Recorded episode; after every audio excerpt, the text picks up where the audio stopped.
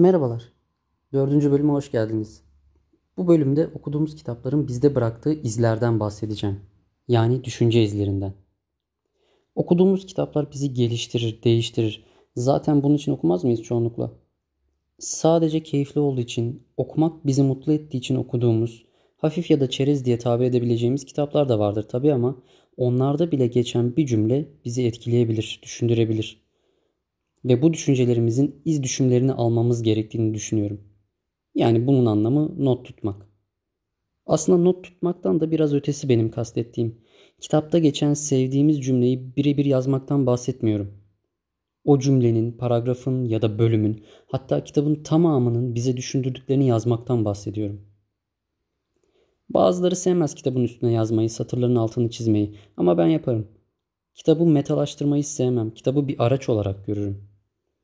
Önceleri sadece kitabın üstünde not alırdım. Şimdi bunu hala yapmakla beraber ayrı bir dijital not defterim de var. Çünkü bazı düşünceler satır aralarına sığmıyor. Kitabı okurken aklıma gelenleri bu not defterime yazıyorum. Kitap bittikten sonra da mutlaka kitap hakkındaki olumlu ya da olumsuz düşüncelerimi de yazıyorum.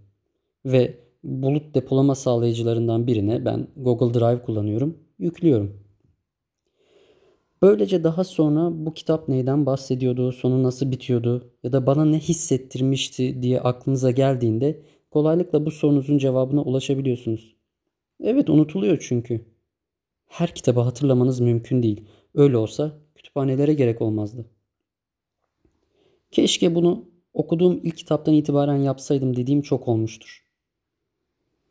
Bu düşünce notlarını kitapların en arkadaki boş sayfalarına da yazsam mı diye de düşünmüşümdür. Kütüphaneden bir kitabı elinize aldığınızda bu bilgiye ulaşmak güzel olurdu. Ama bunu bir türlü hayata geçiremedim. Tuttuğum notların dijital olarak kalması mı yoksa basılı olması mı daha iyi buna henüz karar verebilmiş değilim. Şimdilik dijital devam ediyorum. İstediğimde çıktısını almak kolay. Fakat derinlerde sakladığım bir düşünceyi de göz ardı edemiyorum.